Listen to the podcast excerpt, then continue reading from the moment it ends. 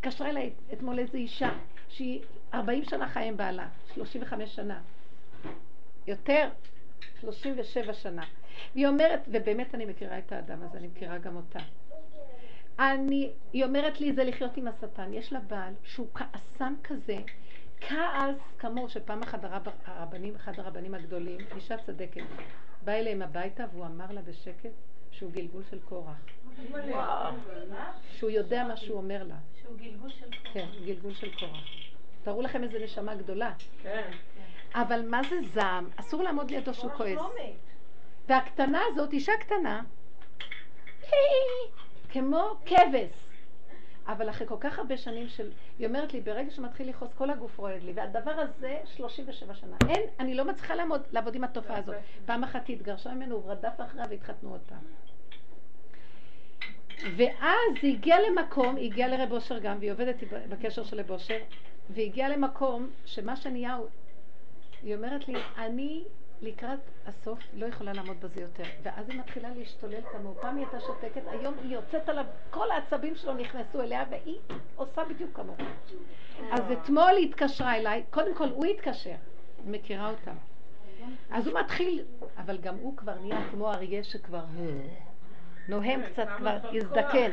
הכעס שלו כבר, אבל עדיין, גם הכעס עדיין, היא אומרת לי, כל הגוף רועד לי, וכבר עכשיו מה קורה לי? כשהגוף רועד לי, הפחד משתלט, והשלב הבא, כעס עולם. איך הוא גרם לי לפחד הזה? כאילו, מין נקמנות שאני רוצה להרוג את העולם. אמרתי לה, התחלתם לעשות החלפות, הוא קיבל קצת מהרכות שלה, והיא קצת, הזעם הזה לכבשתיות הזאת נכנס. אז היא אומרת לי, אבל אני כל כולי רועדת. אמרתי לה, שאף פעם, רבו שם אף פעם אנחנו לא נשתנה. והמקום הזה, רק תחי את הסכנה ותצעקי לבורא עולם שאם הוא לא יתגלה, ולכל, לאיזה רב הם לא הלכו. והם קשורים לאחד הרבנים הגדולים מבני ברק, גדולי תורה. שהיא אומרת שכזה גדול תורה, זה שנכנס הביתה, גדול תורה, בשם עולמי גדול תורה, שהגיע עד אליהם הביתה, היא אומרת, יותר מזה אי אפשר להתקשר לרבנים. אז היא אומרת לי, רק עבודה של רב, רב אושר מצילה אותי. זה אותו רגע שאני כבר נופלת בכעס הזה ואני אומרת, אבל אבא זה אתה, ואני כבר לא דנה את עצמי ואני לא כועסת, ואני משלימה עם עצמי, ואני הולכת נובחת עליו כמו כלב נובח, קטנה כזאת, והוא הר של אדם, והיא נובחת עליו, והוא אמר לי אתמול, אני רוצה לברוח מהבית, היא לא נותנת לי את המפתחות. כבר הגיע מצב כזה, אמרתי לו, לא, אתה לא, אתה לא תשתלט עליי, והיא משתגעת עליו. ואז היא אומרת לי, אני כמו משוגעת, אז אמרת לה, רק לפחות תדעי את זה, ואל תתערבבי בזה לגמרי. כי הכעס יכול להרוג את האדם, לטרוף אותו. אמרת לה, רק תדעי, אמרת לי, רק זה עוד מה שנשאר לי, רק לשטף מים רבים אליו לא יגיעו. כי הכל עשה כבר כמוהו, רק היא עוד נזכרת שהיא הולכת להשתגע, אז אמרת לה, תצעקי לבורא עולם תוך כדי, זה עוד מה שנשאר לך. אז היא אומרת לי, רק העבודה הזאת מצילה אותי שאני חוזרת לשפיות. מישהי אומרת לי היום, כעסה, היא מתוסכלת, נורא אישה טובה כזאת, מתוסכלת שבעלה אה, קונה כל הזמן דברים יקרים, ואחר כך הוא אומר לה, אבל היא אה, אומרת לה, אז צריכים לעשות שבת, הוא אומר לה, אין כסף. אפשר, לא נאכל לשבת עוף, נאכל אה, לחם וגבינה, כי אין כסף. אז, אה, אז, אז הוא אומר לה, אז תלכי, אז תלכי לסדר הלוואות. תלווי מפה, תלווי מפה.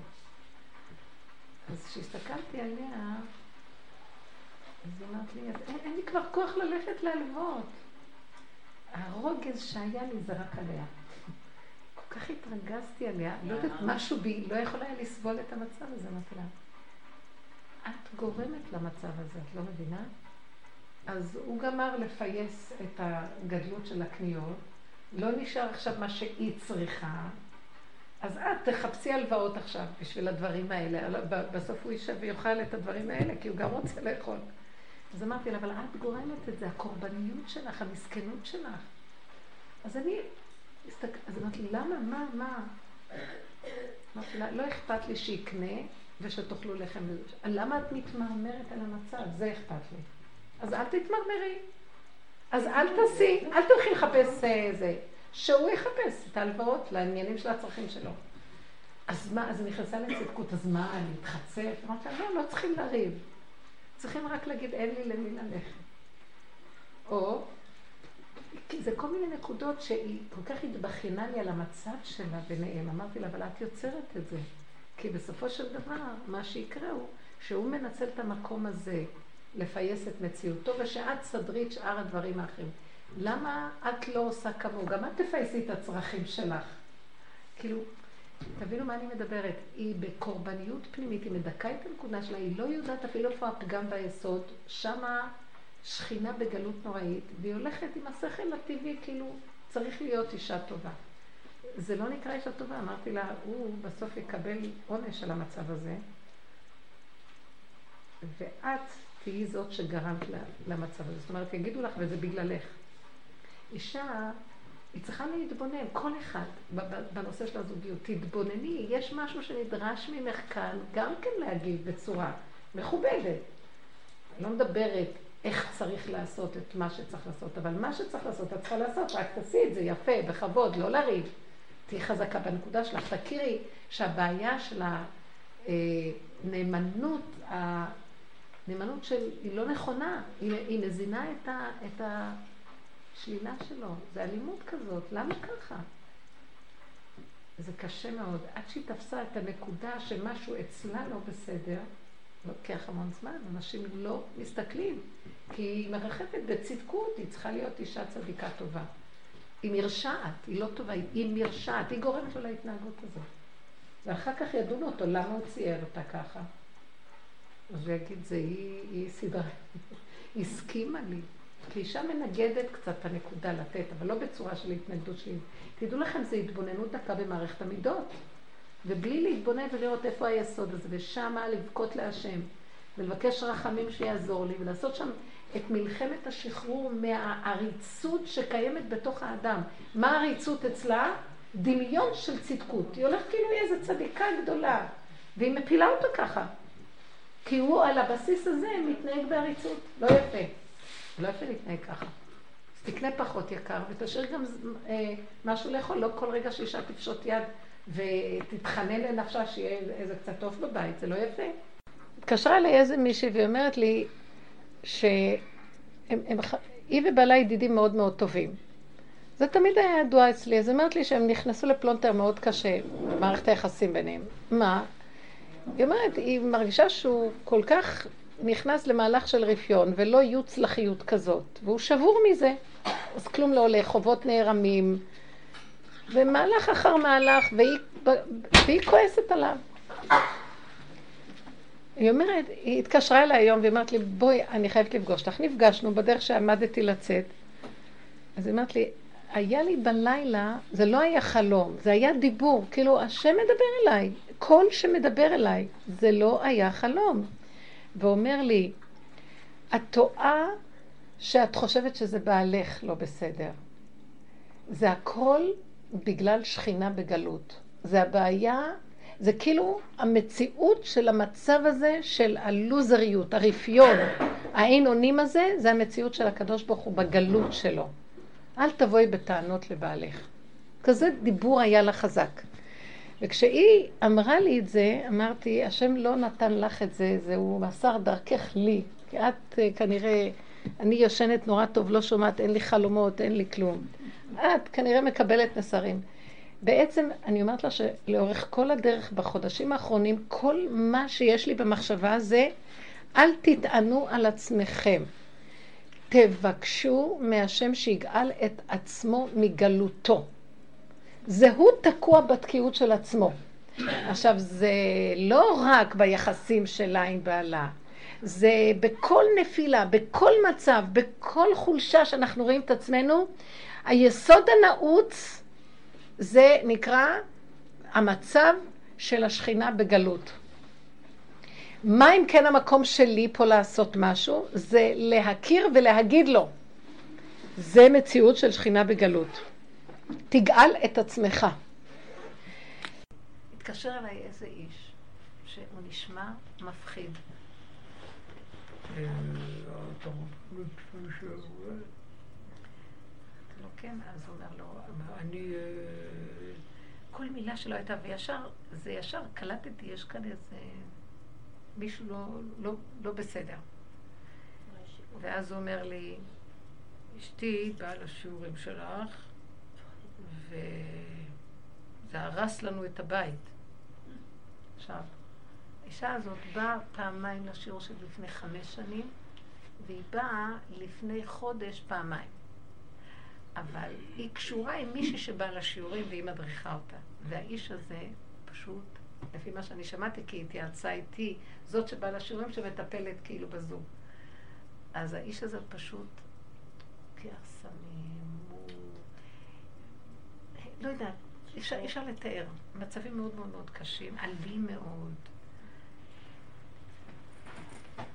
אז למה סיפרתי את זה? היה איזה משהו שרציתי להגיד פה. אה, כן. אז אה, אמרתי לו, אני לא מכירה אותה, ואם יש לך איזה בעיה, תחפש את עצמך. ותשאל למה הגעת למצב הזה שיש לו בית. אל תחפש נשים להאשים אותם. תחפש, לא אמרתי לו אנשים, אל תחפש נשים, הוא מחפש נשים להאשים אותם. אני מכירה את הפסיכולוגיה של האנשים האלה, ואני דיברתי אליו בצורה מאוד פשוטה. תחפש את השקרים שלך, ואל תאשים אף אחד. זה הכי קל, תחפש את עצמך. הקיצר, הוא... ואז אני אמרתי לו, אני אמרתי לו שהיא בעצם לא קשורה איתי, קשורה עם מישהי, כך וכך. אז הוא התקשר למישהי כך וכך. אז היא אחר כך חזרה ואמרה לי, מה אני אעשה? הוא מתקשר ואת יודעת שהוא אלים, והוא כזה והוא כזה. ואז אמרתי לה, כל, הוא אמר שהוא יתקשר אליה שוב, בטוח. אמרתי, אם הוא מתקשר לך, כל מה שהוא יגיד לך, תגידי לו נכון. אז הוא אמר, אז היא חזרה אחרי שעה, כי היא, לא, היא, לא, היא אמרה לו, אני לא יכולה עכשיו להתקשר עוד מעט, ואז היא התקשרה אליי באמצע. את, את, את גרמת לאשתי כך וכך. אז היא אמרה, לא נכון. אתה, את אה, משקרת. אז היא אמרת לו, נכון. את זה, את זה, את זה, הכל אמרה לא נכון. היא אומרת, הוא לא מצא ידיים ורגליים. הוא לא יודע מה לעשות, כי היא הודתה והכל אמת. אמרת לו, כל מה שיגיד לך תגידי אמת. אחרי שהיא אמרה לו את כל הנקודה הזאת של אין לי מה להגיד לך, כי כל מה שאמרת אמת, ועכשיו תראה מה שתעשה. אם אתה רוצה לסדר את אשתך, תסדר אותה. ואם אתה רוצה ממני, אני אומרת לך שכל מה שאמרת לי, שאתה מאשים אותי, זה נכון. המילים שהיא דיברה, כשהיא אמרה לו הכל נכון ואתה צודק, בפשטות של, אמרתי לה, בלא הנד עפעף, תגידי את האמת. וכשאת אומרת את האמת, תעמדי מול בורא עולם ותגידי לו נכון. נכון, כי היא דיברה עם האישה. אישה הייתה נורא נורא מסכנה, והיא החזיקה אותה ואמרה לה, תעשי כך ואל תעשי כך, ותפתחי לו תיק, וכל מה ש... היא הייתה מתייעצת איתי. בסופו של דבר, היא אומרת שהאיש הזה, כל האלימות שלו, הוא דיבר לה רק בטלפון, כן, היא אומרת, זה כאילו התמוסס משהו באוויר, ופתאום הוא התפרץ בבכי בטלפון. כל הגדלות שלו, כל זה. אז היא אמרה לו, אתה גרמת את הכל לעצמך ואל תאשים אחרים. אז הוא סגר את הטלפון. אבל איך, זה שבר אותו, המקום הזה שהיא הודתה באמת, נכון? התקשרה לאיזו אישה שיש בעיות מאוד גדולות בשלום בית. לבסוף היא החליטה שהיא עוזבת את הבית לכמה זמן. אז עכשיו מה שהאבא עושה, הוא מנסה למשוך את הילדים אליו, והיא מנסה אליה, והילדים זה איזה פינג פונג בין, בין שני ההורים במצב הזה. אז הוא לקח את הילד אליו. והיא נשברה לרסיסים ואמרה לילד, כל מה שהשקעתי בך, בסוף אתה הולך לאבא? זקן הילד. אז לך לגמרי. ואז היא התקשרה אליי והיא אומרת לי, אני הולכת ברחובות, לא יכולה לישון, סהרורי בשעות מאוחרות בלילה, ואני חושבת עוד מעט יקרה לי אירוע מוחי, מרוב הפחד שהילד ילך לאבא, וכל מה ש... ועד שהיא ילדה את הילדים האלה, אי אפשר לתאר את הסבל. ובסוף ככה זה יהיה, זה מה שמגיע לי. אמרתי לה, התחלתי לצעוק עליה ואמרתי לה, עד כדי כך יש לך של, יצר של הרס עצמי וחורבן שאת תסתובבי ברחובות בלילה וחס שאני יכולה לחטוף אירוע מוחי מרוב כאבים וצער. עד כדי כך, ועוד אחרי 120, כאילו פה תמותי על קידוש השם, שאני אימא כל כך טובה, ושם עוד ידונו אותך על הדבר הזה, זה יהיה קידוש השד, לא קידוש השם. אז עכשיו תביני דבר אחד, הילד הזה, את צריכה לעודד אותו. את אתה רוצה ללכת לאבא? איפה שאתה רוצה, הדלת פתוחה, אני אוהבת אותך, תמיד אני איתך, תבוא. מתי שאתה רוצה, אני תמיד איתך. ולברוא למה צריכה לדעת, אין לך שליטה ובעלות על שום דבר. תתעקשי על הדבר הזה. כל מה שנדמה לנו, אני גידלתי, אני עשיתי, היום טופח לנו על הפנים רק כדי שנדע, לא אנחנו עושים פה שום דבר, יש כאן מלך, יש כאן בעלות על העולם, ולא אנחנו המנהלים אותו. אם נלך בשכל הזה, תדעו לכם, השם שולח את עשיו. השם היום מקים אותו, הוא בעצם כבר, הוא כבר באמת מת, אבל עוד כאילו יש לו איזה חיות, ודווקא ה... ה... איך אומרים, הסיבוב של הזנב של הנחש לקראת הסוף הוא מסוכן, זערי. זה הסיבוב האחרון והוא כבר מת, אבל תזהרי ממנו. התקשרה אליי איזו אישה בדרך, ממש מדהים. אישה מאנשים, מה שנקרא אה, תסמונת של אישה מוכה. מאוד טובה.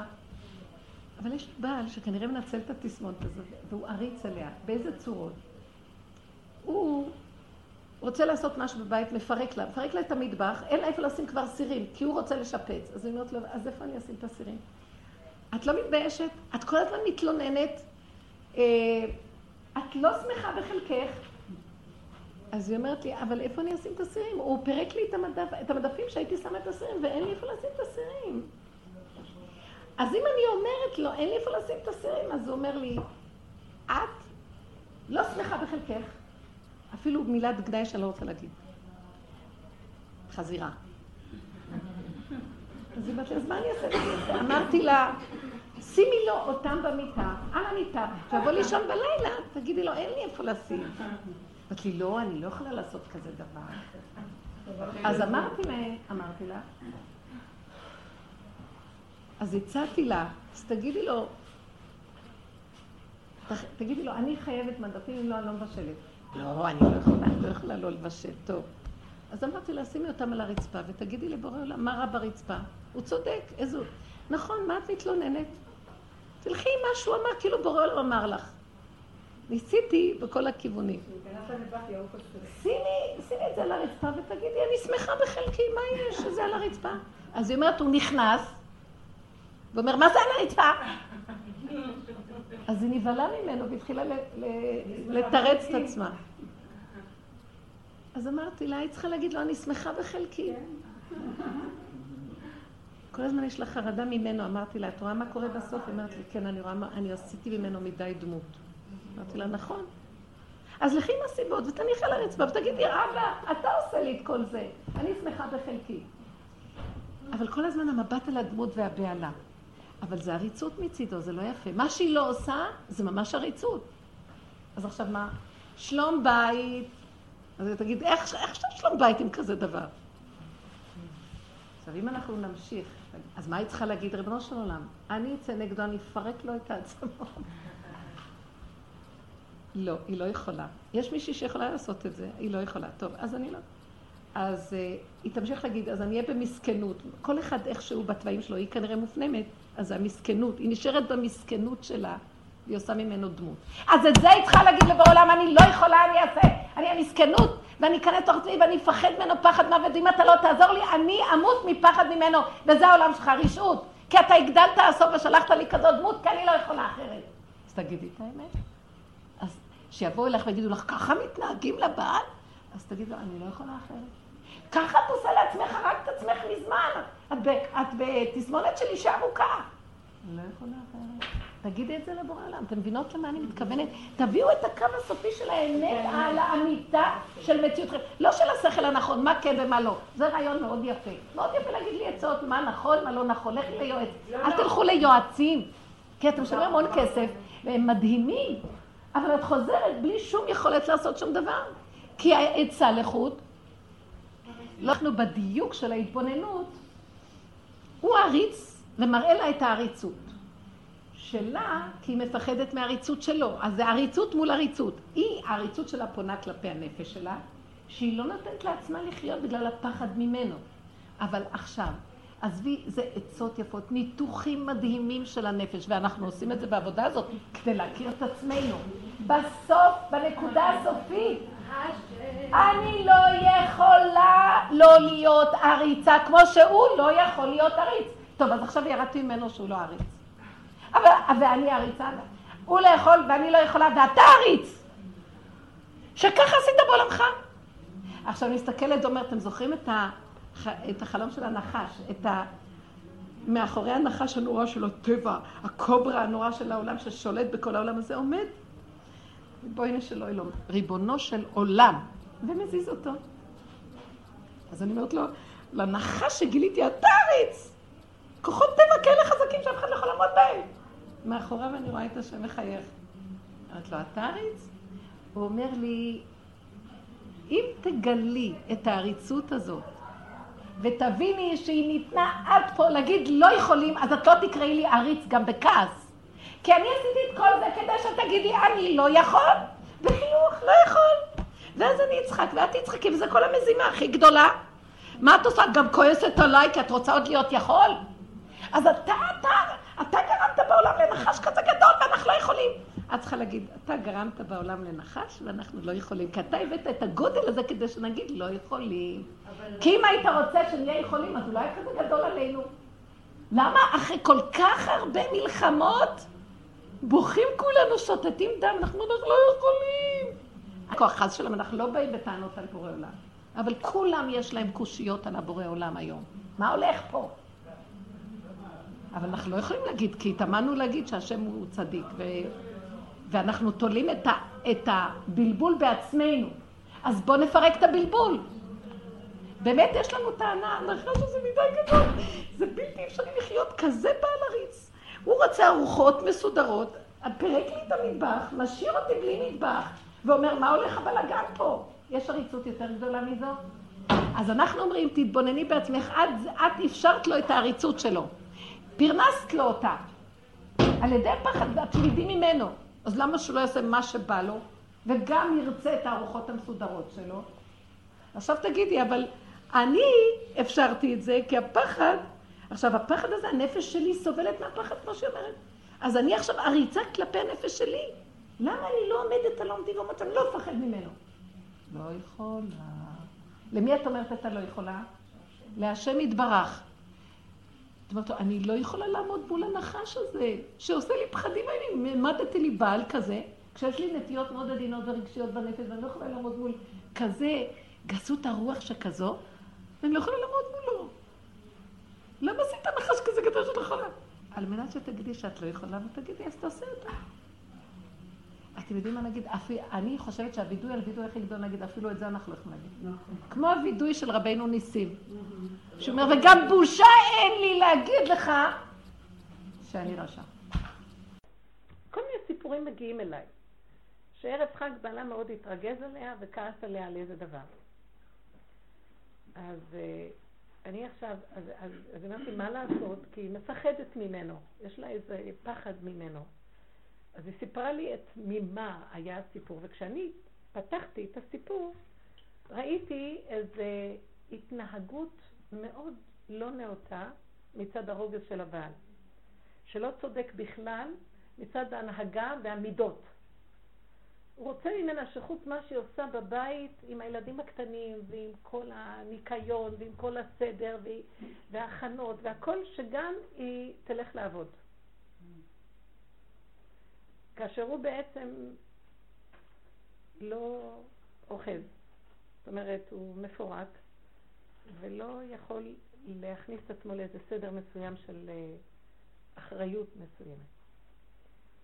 אז כשהתחילו, הוא כעס עליה, אז uh, התקשרה אליה להגיד מה לעשות, האם ללכת לעבוד? אז עכשיו תראו מה, מה, למה אני נותנת לכם את הסיפור כדוגמה, ויש מיני אלף סיפורים מכל דבר ודבר שבחיים. אז אמרת לה, בוא נפרק, למה את חושבת שאת צריכה ללכת לעבוד? כי הוא כועס עליי. אז מה אם הוא כועס עליי? אז את צריכה ללכת לעבוד? את לא רוצה שהוא יכעס. אז לא על ידי זה שתלכי לעבוד הוא לא יכעס, כי, נמצא, כי את לא נוגעת ביסוד של הכעס שלו. משהו שם בתסכול. יש לו איזו חרדה שהוא לא יכול. עכשיו, ברגע שיש לו אישה, אני מדברת לא עליו כאיש, אלא כל אחד יכול להיות במקום הזה. אנחנו כנשים יש לנו בעיות אחרות, תכף ניקח איזה בעיה אחרת וקצת נהיה לטובת הגברים, גם אל תדאגו. אבל בכל אופן כרגע, במצב הזה. אז הוא חסר אונים, כי הוא תקוע. למה? תכף, זה כבר שאלה אחרת. אבל כרגע המציאות הזאת.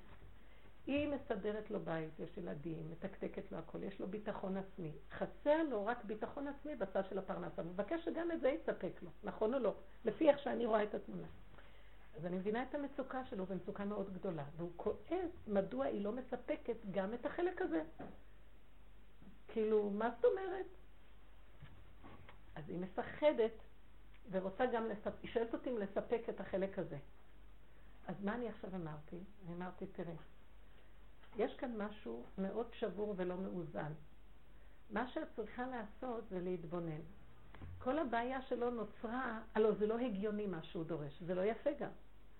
יש מה שנקרא חלק שלך בזיווג הזה וביחסים האלו, בוא נגיד בכריתת ברית הזאת, ויש את החלק שלו, נכון? ברגע שהוא לא מסדר את החלק שלו, ואת מתרסה כל חלל פנוי להתיישב שם לפי הדרישות שלו, ולאט לאט את נהיית משועבדת למהלך הזה, כאשר הוא עוד רודה בכעס, מדוע לא מספקים לו את הכל. אני מסתכלת ואומרת, פה יש בעיה מאוד גדולה. במובן שהוא לא מתנהג טוב, אבל יש כאן איזו נקודה אצלך שמספק את המצב הזה. מהו? הפחד. ובאיזשהו מקום אמרתי לה, למה את מפחדת? כי זה מצב נתון, אני מפחדת. בוא נסתכל, יכול להיות ששוכב שם איזה משהו של שנים של פחד. יכול להיות שזה אצל כל אישה קיים מצד הקללה של הנחש, של, מצד הקשר של החיבור של עץ הדעת והחלק שהנחש שולט בו.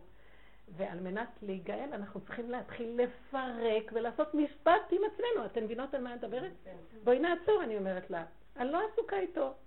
בכלל כאן אין אם אני אגיד לך, אני אגיד לה דברים שליליים עליו, זה גם לא יפה מצידי, כן? אני לא רוצה לקל... לסכסך ביניהם, אבל אני רוצה לעזור באיזשהו מקום שכאן יקרה איזה נקודה. הנביא אומר לי, את יודעת מתי תהיה הגאולה שלה? שיהיה כאן משפט צודק. עכשיו, המשפט לא שהיא תעמוד ותגיד לו, תצעק עליו, תגיד לו, תלך לעזאזל, מה אתה חושב לך שאני וכן הלאה? לא. גם היא לא יכולה כי הפחד גורם. הפ... המשפט הוא להתחיל לראות מה כאן הנקודה, פותחת את החלק הזה, פותחת את החלק הזה, כמובן אני עזרתי לה כאילו איך לעשות את זה, אבל המטרה של השיעורים להתחיל לראות את עצמנו מכל הזוויות. הסיבות של החיים וההיתקעות מראה לי משהו תקוע פה, נכון? מובן שבאופן טבעי אני אכעס על הבעל שהוא מעורר את המצב הזה. לא, לא, לא, לא, לא. הבעל הוא רק מקל של הקדוש ברוך הוא, כדי לאפשר לי עכשיו בלבול כזה, על מנת שאני אחפש לעשות משפט. כי אם לא היה בלגן, ואם לא הייתה כאן סערה, ואם לא היה כאן חוסר איזון, לא הייתי נדרשת לעשות משפט. אם כן, כל הגאולה האחרונה תהיה מצב של חוסר איזון, של ניסיונות בכלל לא באיזון, שאם אנחנו נתבונן בהם, כל כך נתפוס את הראש ונאמר, מאיפה נתחיל כאן לסדר את העניינים? אז התשובה תהיה, אנחנו לא צריכים לסדר את העניינים, אנחנו צריכים למצוא איפה הפלונטר של אותו עניין, את אותה נקודה להרים לקדוש ברוך הוא, והוא ייכנס לעזור לנו. בואו תסתכלו מה אני אומרת. התחלנו להפוך ולהגיד לה, בעצם, את רואה? בגלל שאין כאן בכלל שום איזון שאת מפחדת. בגלל שעל פי השכל הישר ועל פי חוק דרך ארץ קדמה לתורה. זאת אומרת שהגדר של הזוגיות דורשת דרך ארץ מסוימת. ובלי הדרך ארץ הזאת לא יכול להיות זיווג. דרך אגב, חז"ל שמו את המילה דרך ארץ גם על המושג של האישות. זה נקרא דרך ארץ, כן? דרך ארץ קדמה לתורה. מה הכוונה? ולפני שהתורה נתנה לנו מצווה להתחתן ומצוות פריאה ורבייה ומצווה לשמח את אשתו לדבר מצווה בזיווג לא היו מזדווגים ומתייחדים ויולדים, אלא שעכשיו הקדוש ברוך הוא נתן במתן תורה את המצווה הזאת, אז עכשיו שמו מיוחד על הפעולה הזאת, אבל גם קודם הפעולה הזאת הייתה קיימת. לכן אמרו חז"ל, דרך ארץ קדמה לתורה, המצב הזה היה כבר קודם. לא היה או, עכשיו התורה חידשה, פרו מה היא חידשה בזה? למה היא לא חידשה מצוות תאכלו? כי אכילה הייתה גם קודם. יש מצווה לחדש אכילה? למה חידשו פריאה ובריאה? כדי להכניס בה את האור האלוקי. מה זה האור האלוקי? זה המשפט, הנקודה האמצעית בין שני הפכים. גם קודם זה היה, אבל לא היה, לא היה משפט צדק בזה. כל אחד עשה בזה מה שהוא רצה. לא היה בזה מה שנקרא קדושה. הגילוי של הקדושה, גילוי הקדוש ברוך הוא בתמונה. כמו שקראנו בפרשה, קדושים תהיו כי קדוש אני. ברגע שאני מופיע ונותן לכם חוק ומשפט, ואתם מקיימים אותו, חוק, ואתם גם עושים משפט לאותו חוק בדרך ארץ, אז נהיה קדושה. אתם מתקדשים בקדושה שלי. עבוד איתם. אז אני אומרת לה, בוא נעשה משפט. ואז אני מתחילה לפרק ואומרת לה, אם אני מסתכלת על הנקודה שלו, הוא לא מאוזן לחלוטין. אבל אני לא רוצה שנבוא אליו בטענות, כי אם יש כאן בעיה, זה את גרמת לזה. למה? הפחד שלך מזין את המצב הזה. איך זה הגיע למקום כזה? למה זה צריך להיות מקום כזה? לאישה יש תפקידים. היא יולדת, והיא מגדלת את הילדים, והיא מסדרת את הבית, ומכינה לפסח, והיא דואגת את כל צורכי הבית. זה לא דבר קטן, בית עם הרבה ילדים קטנים זה דבר מאוד קשה. לדרוש ממנה גם ללכת לעבוד, זה ההתנדבות שלה נקודה. שהיא מסכימה בלב חפץ כי יש לה איזה חיות מזה, או שתומכת בתורה והיא מרגישה איזה אחריות ואיזה אה, נדיבות לב רבה, היא לא מצווה בזה בשום אופן והיא לא חייבת בזה. כי כבר יש לה מהלך אחד שהוא ברור. אז האם הוא לומד תורה? לא. הוא עובד? לא. מה הוא עושה? הוא מפורק, לא עושה כלום. אז אני אומרת לה, את מזינה חולי. כי אדם שהוא לא עסוק בכלום, זה, זה השורש של כל הצרות. בייחוד גבר, הוא צריך להיות, לדעת, יצא אדם לפועלו עדי ערב. עכשיו מפרקת לכם, שימו לב כמה אני מפרקת באריכות את המצב שאני יכולה להגיד אותו בכמה מילים. אז עכשיו אני לא משחירה לה את מצבו. אני אומרת לה, זה נתון, אבל אני מחפשת איפה הבסיס. אני עושה משפט ומפרקת. יש לך פחד שהפחד הזה נמצא אצלך עוד מילדות. כל הנישואים האלה, הוא מנצל, זה היה מין, שימו לב, הפחד הזה שאת, את, כשאדם מחפש זיווג, הפגם שחסר לבן אדם מושך אותו אצל השני, כי זה האפשרות שלו לתקן. אם הוא לא מתקן, אז הוא בזה מקלקל בגדול. באותו פגם הוא מתקן, באותו פגם הוא מקלקל. שימו לב. כשאין את ההכרה, מקלקלים. כשיש את ההכרה, דווקא מאז יוצא מתוק, ואבן מה עשו הבונים הייתה לו ראש פינה. דווקא הפחד שלך הוא המעלה שלך שאת יכולה בזה להעלות את הבית אם תעבדי עם זה נכון. אם תעלי את זה נכון, תבודדי את הנקודה ותבידי שזה הבעיה שלך, ואת מאוד מפחדת, ואת לא יכולה להתגבר על הפחד הזה, את צריכה לעמוד עכשיו לפרק ולצעוק להשם. עכשיו אנחנו עושים כאן שקלה וטריה, אני רואה את כל מצבו של האיש, ואני רואה למה זה נראה ככה, אני אומרת, את, את עכשיו עם הפחד שלך מזינה את המצב הזה. ואת עוד שואלת אותי, את שואלת אותי אם אני אמשיך לפרנס את המציאות שלו על ידי זה שאני גם את השטח הזה אסדר לו. ואני אומרת לה, האם זה משפט צודק? נו, כולנו נגיד כאן, לא. אז אמרתי לה, את תעשי דבר הפוך על הפוך. את חייבת עכשיו לעמוד מול עצמך ומול הפחד שלך, את לא עומדת מולו. את עומדת מול הפחד שלך לעשות פעולה הפוכה ממה שאת חושבת, מה שהיית רגילה תמיד לעשות. הוא אמר לה, שאם היא לא תלך לעבוד, הוא ייקח פיתות ויפזר לה פירורים בכל הבית אחרי שהיא נקטע. אז אני שמעתי את זה ואמרתי לה, אז את מה שתעשי, תגידי לו שאת לא תהיי כאן לפסח, הוא מפזר לעצמו את הפירורים, אז כאילו הוא חותך את היד שלו, אז אם כן, אה, את לא תהיי בבית. אז היא יצאה מהחג, לא הייתה בבית. וזה היה תדהמה מאוד גדולה בשבילו. לא רבה איתו, לא כועסת, לא אומרת כלום, אומרת לו, אם ככה אני לא עושה פה את החג. זה דבר שלא יכלה, אם היא לא הייתה תופסת איפה הנקודה, ולעמוד כזה, וזה קשה לה מאוד לעשות את זה, גם מלווה אותה הפחד שהיא תעשה כזה דבר. אז אמרתי לה, למה את מפחדת? אם את לוקחת את הפחד הזה, את לא עושה את זה לא. את עומדת מול עצמך ואומרת, עד כאן, זה חג החירות. חירות ממלאך. עד כאן, ועכשיו אני עושה את זה מול בורא עולם, וטוב לאבד שבת אחת, מה שהרבה שבתות אחרות, טוב לאבד אה, מצב כזה. אז יצא מצב שהיומיים הראשונים היה באמת, והשם סייע, שגם המשפחה שלו הייתה צריכה להגיע, ואז לא היה לאן להגיע, ואז הם כעסו עליו. ואז הוא ביומיים הראשונים היה מלא חמת זעם, אבל עדיין העבודה הייתה לא לתת לזה שום ממשות. תמשיכי בקו שלך. והקו, את לא עושה את זה לא, את עובדת עם עצמך. שימו לב למשפט הזה. את עובדת עם עצמך, ועכשיו את צריכה לתת קונטרה בתוך הנפש, כל פעם שבא לך פחד, תגידי לו, תלך לעזאזל. אל תבלבל לי את המוח.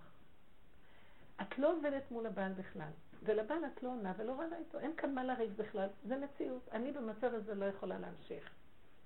אחרי כמה ימים שעברו, היא אמרה שהמצב התהפך לחלוטין.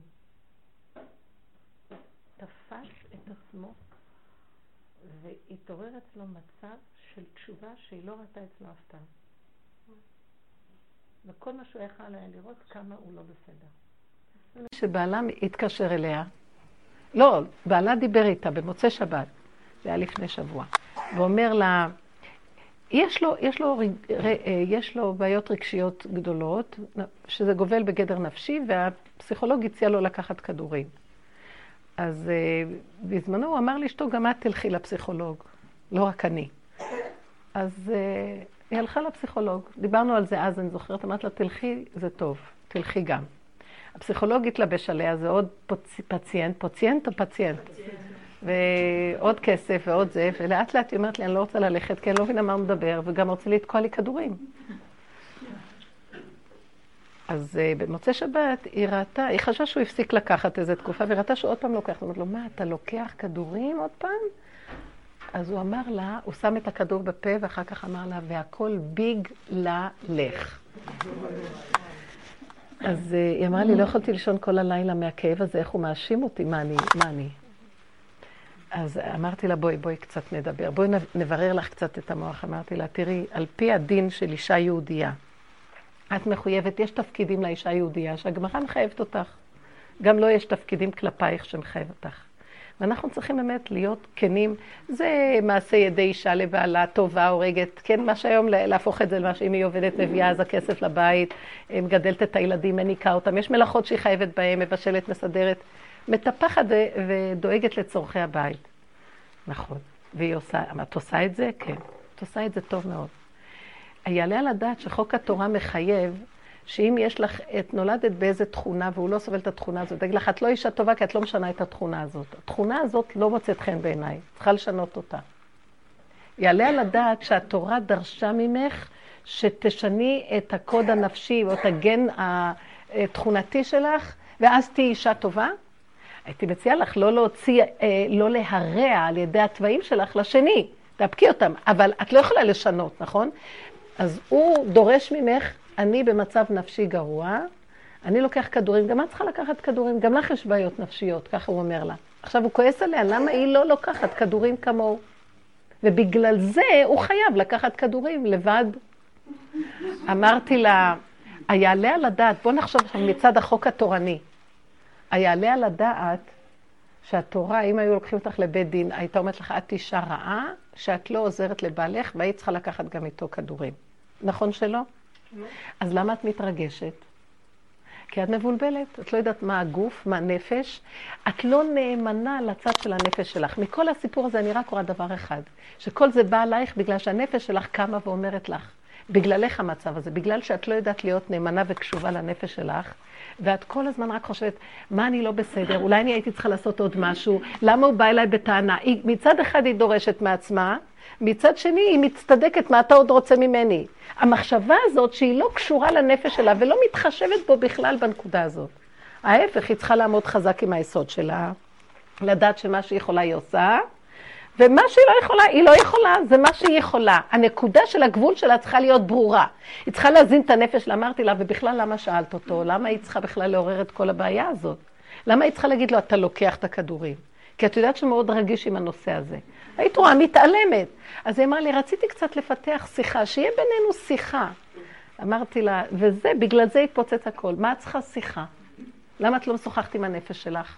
למה את לא משוחחת עם השם במהלך הזה לנצל את זה? ואחר כך אם השם יזמן שיהיה נעימות, שזה מסתדר מאליו השיחה, ולא לא רציתי אני ליזום איזה מצב, לא בעיתוי נכון, אין לך את החוכמה, אין לך סייעתא דשמיא ליפול ברגע הנכון, איך לשוחח נכון.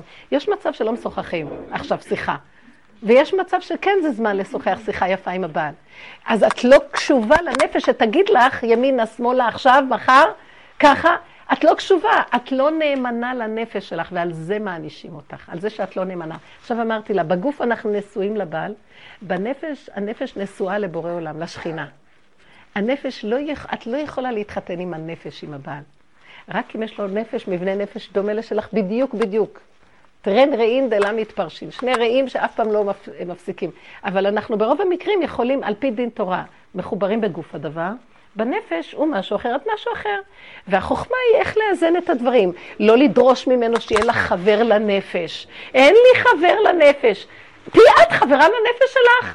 פי את קשורה עם השכינה שלך, את לא צריכה שום חבר. ואז אם את קשורה לנפש שלך ושמחה, אז הוא עכשיו יבוא אלייך ויהיה שמח גם, כי טוב בקרבתך. את מקרינה חיות ושמחה שנובעת מתוכך. אז, אז עכשיו ייווצר קשר נחמד ביניכם. אז זה קרוב למשהו קצת נפשי. אבל לדרוש ברמה הזאת, את לא נאמנה לי, לבעיה שלי. אבל גם את גורמת את הטענה שלו. ויכול להיות שהוא צודק בטענה הזאת, שבגלל שאת לא קשובה נכון לנפשך, וחיה עם העוצמה הפנימית שלך, בשמחה, נותנת מה שיכולה, מה שזה סותר את הנפש שלך, את לא מחויבת לאף אחד.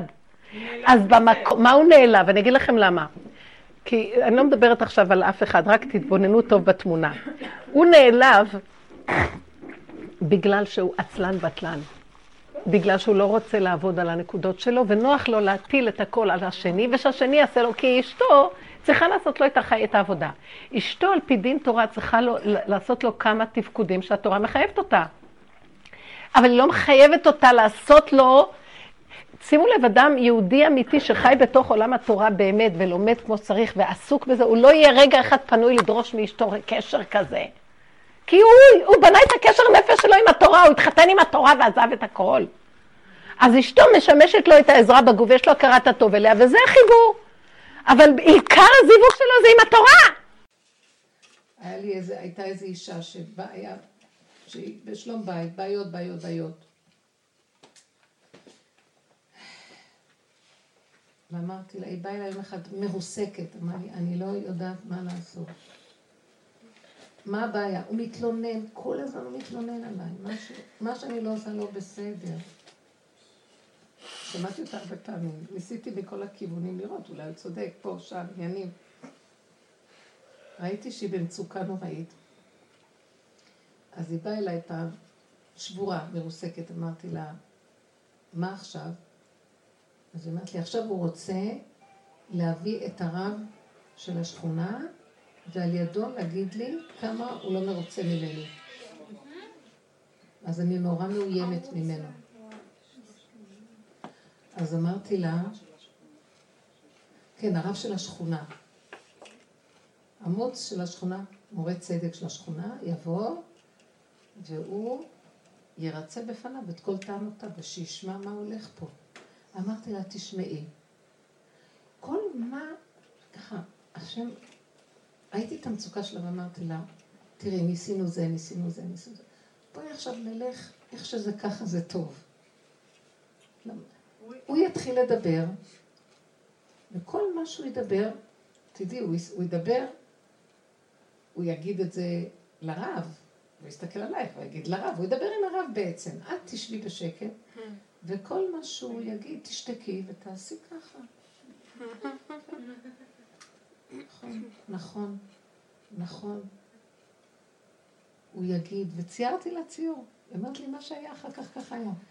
הוא יגיד לה, את, אני לא יכול, יש לה נקודות כאלה וכאלה, ואי אפשר לסבול את זה. ועוד דבר, ועוד דבר, ועוד דבר.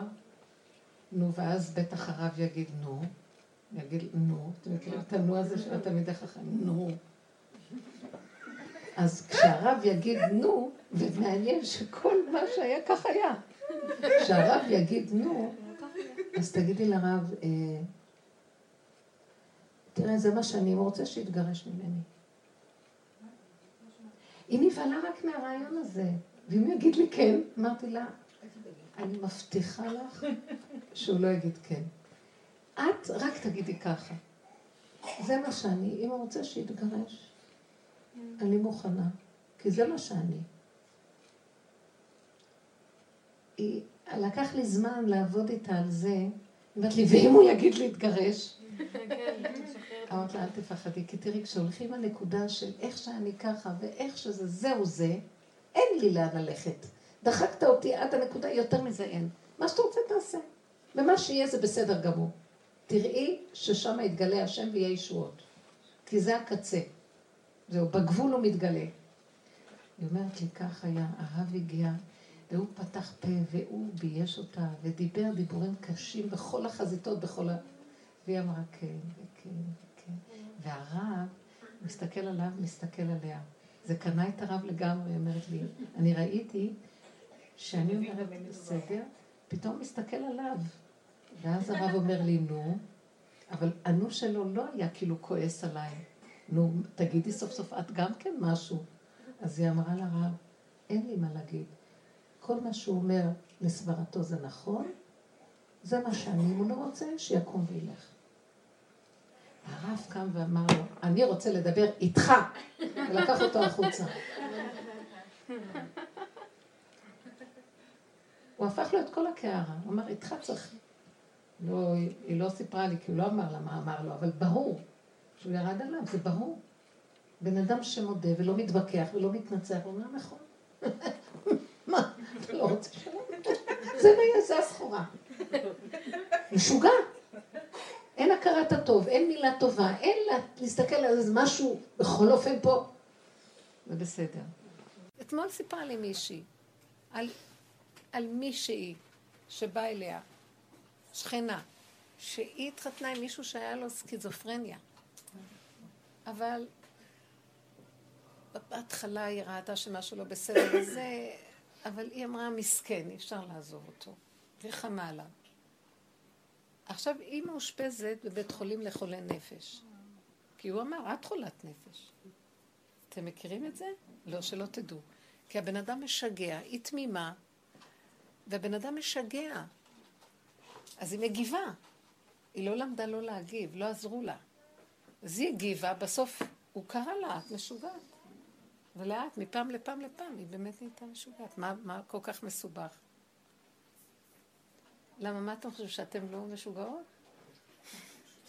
כל העולם נמצא במצב הזה היום. יש רק כמה שהם דוגמה שהלכו לאשפוז, אבל אנחנו, אנחנו מאושפזים ברחובות. במילא אנחנו משוגעים שמסתובבים חופשי ברחובות, אבל יש כמה שהסכימו להתאשפז. עכשיו, היה לי איזה, הייתה אישה שבאה אליי לשיחה. שתי שיחות. שיחה אחת היא באה, היא מתארת מצב מאוד מאוד קשה.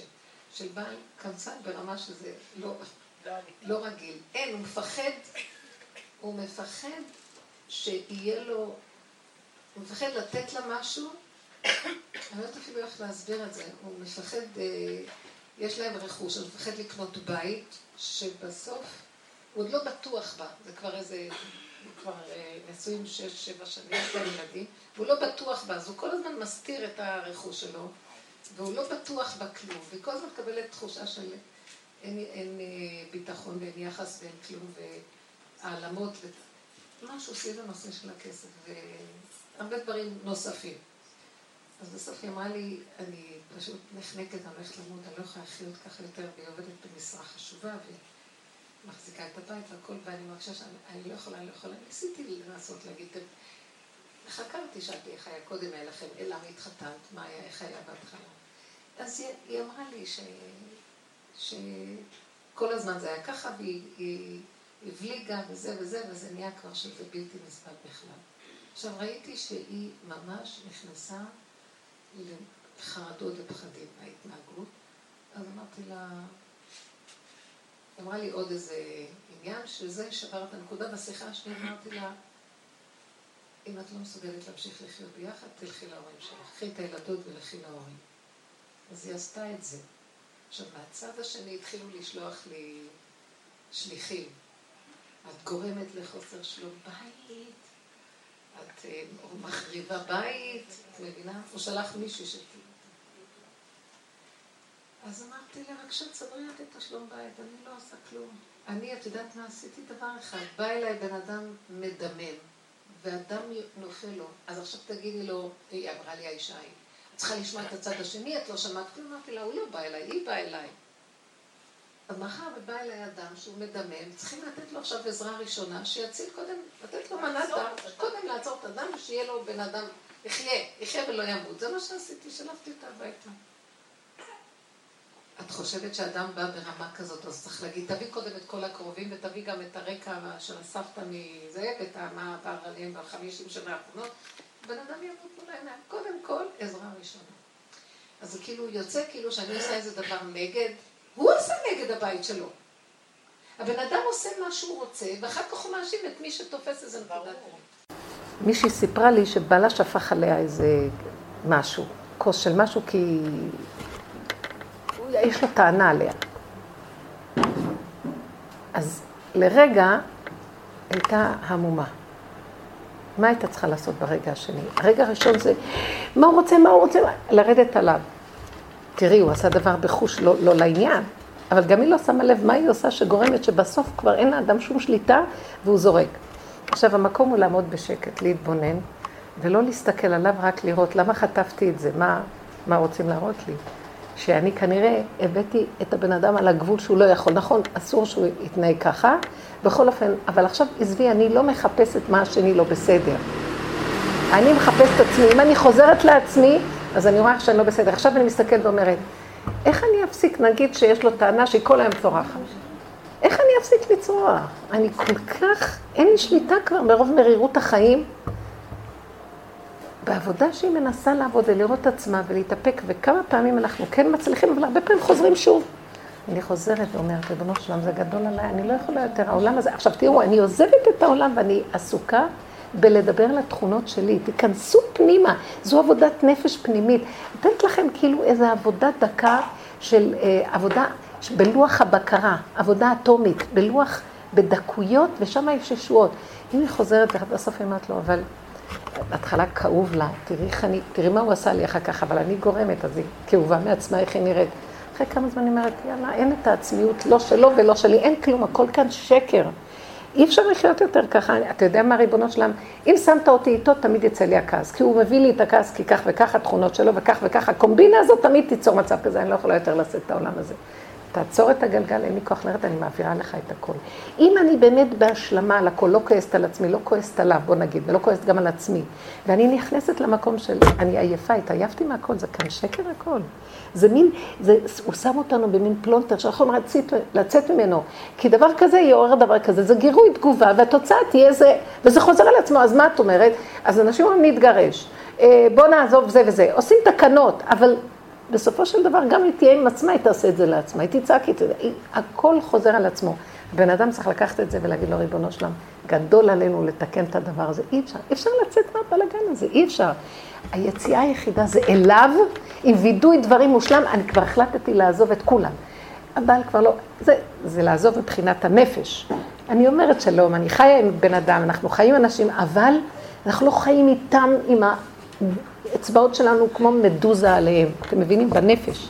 אנחנו משחררים את הנפש. שחרור הנפש זה התחלה של גילוי אלוקות. משגע אותי. היום הייתה לי בדיוק אישה כזאת בבוקר לשיחה, מתוקה, שבעלה לקח כספים של הבית והשקיע אותם באיזה עורבא פרח כזה, והכל התמוטט, וגם מלווה מאנשים אחרים, והכל הכל הלך, עניין של כמה מיליון, וגם את הבית כבר הכל מעוקל, ו, ו, ואז הוא אומר לה, בוא נמכור כבר את הבית, אז לשלם את החובות, והיא באה אליי שמוטה, כולה שבורה, גם הוא שבור, והוא לא מתפקד כבר, אבל הוא בייאוש, והיא אחרי לידה עם ילדים קטנים, שגם עובדת בחוץ בתוך כל זה, ומנסה לשקם קצת את הקיום המיידי שיהיה אוכל לפה. והיא אומרת לי, אז כשאני שואלת אותה שאלות על מה שקורה, אז היא כאילו, היא כועסת עליו, אבל הוא יכול לישון עד שעה מאוחרת, יכול לעשות כל מיני דברים, היא צריכה להתחנן שיעזור לה לעשות משהו ולעזור. בבית שהיא יולדת, היא רק לפני כמה שבועות ילדה, והיא כולה יפה תשושה, והיא צריכה גם לצאת מיד לעבוד, כי אין להם איך, עושה דברים נוספים חוץ מ... אז כשהיא דיברה איתי, שהיא מתווכחת איתו ואומרת לו, והיא כולה דמעות וכולה צער, אז מה אני אעשה? הסתכלתי, והיא... והוא אח... אחר כך גם בא אליה בטענות, והוא כועס עליה, ש... שהיא לא רוצה למכור את הבית ולגמור עם החובות האלה. ולרגע, כשהיא, כשהיא מדברת איתי, אני מסתכלת עליה, ואני רואה אישה שחצי נטרפה לידתה בעצם, מרוב צער ממה שהוא רוצה ממנה. ולרגע אני אומרת, המשוגע הזה הצליח לשגע אותה, היא משתגעת, הוא ישן, אוכל, הולך לו, כי הוא נכנס לתוך הנקודה של ההישרדות הקיומית שלו, כי מה הוא יעשה עם החיים שלו עכשיו אחרי כל הבלאגן הזה? והיא זאת שהיא עוד ממשיכה לקום בבוקר לסדר את זה לסיעות, אפילו לקום בבוקר לעזור לה, לשלוח אותם בהסעות, לסדר את הדברים, אין לו כוח. ואז בסוף היא גם מתרגזת, ואז אני הסתכלתי עליה ואמרתי לה, היא אומרת לי, אני, אני מרגישה שאני מאבדת את השפיות. אמרתי לה, בטח שתמשיך מצידי תהיי משוגעת. את יודעת איך אני יכולה ליפול על אנשים?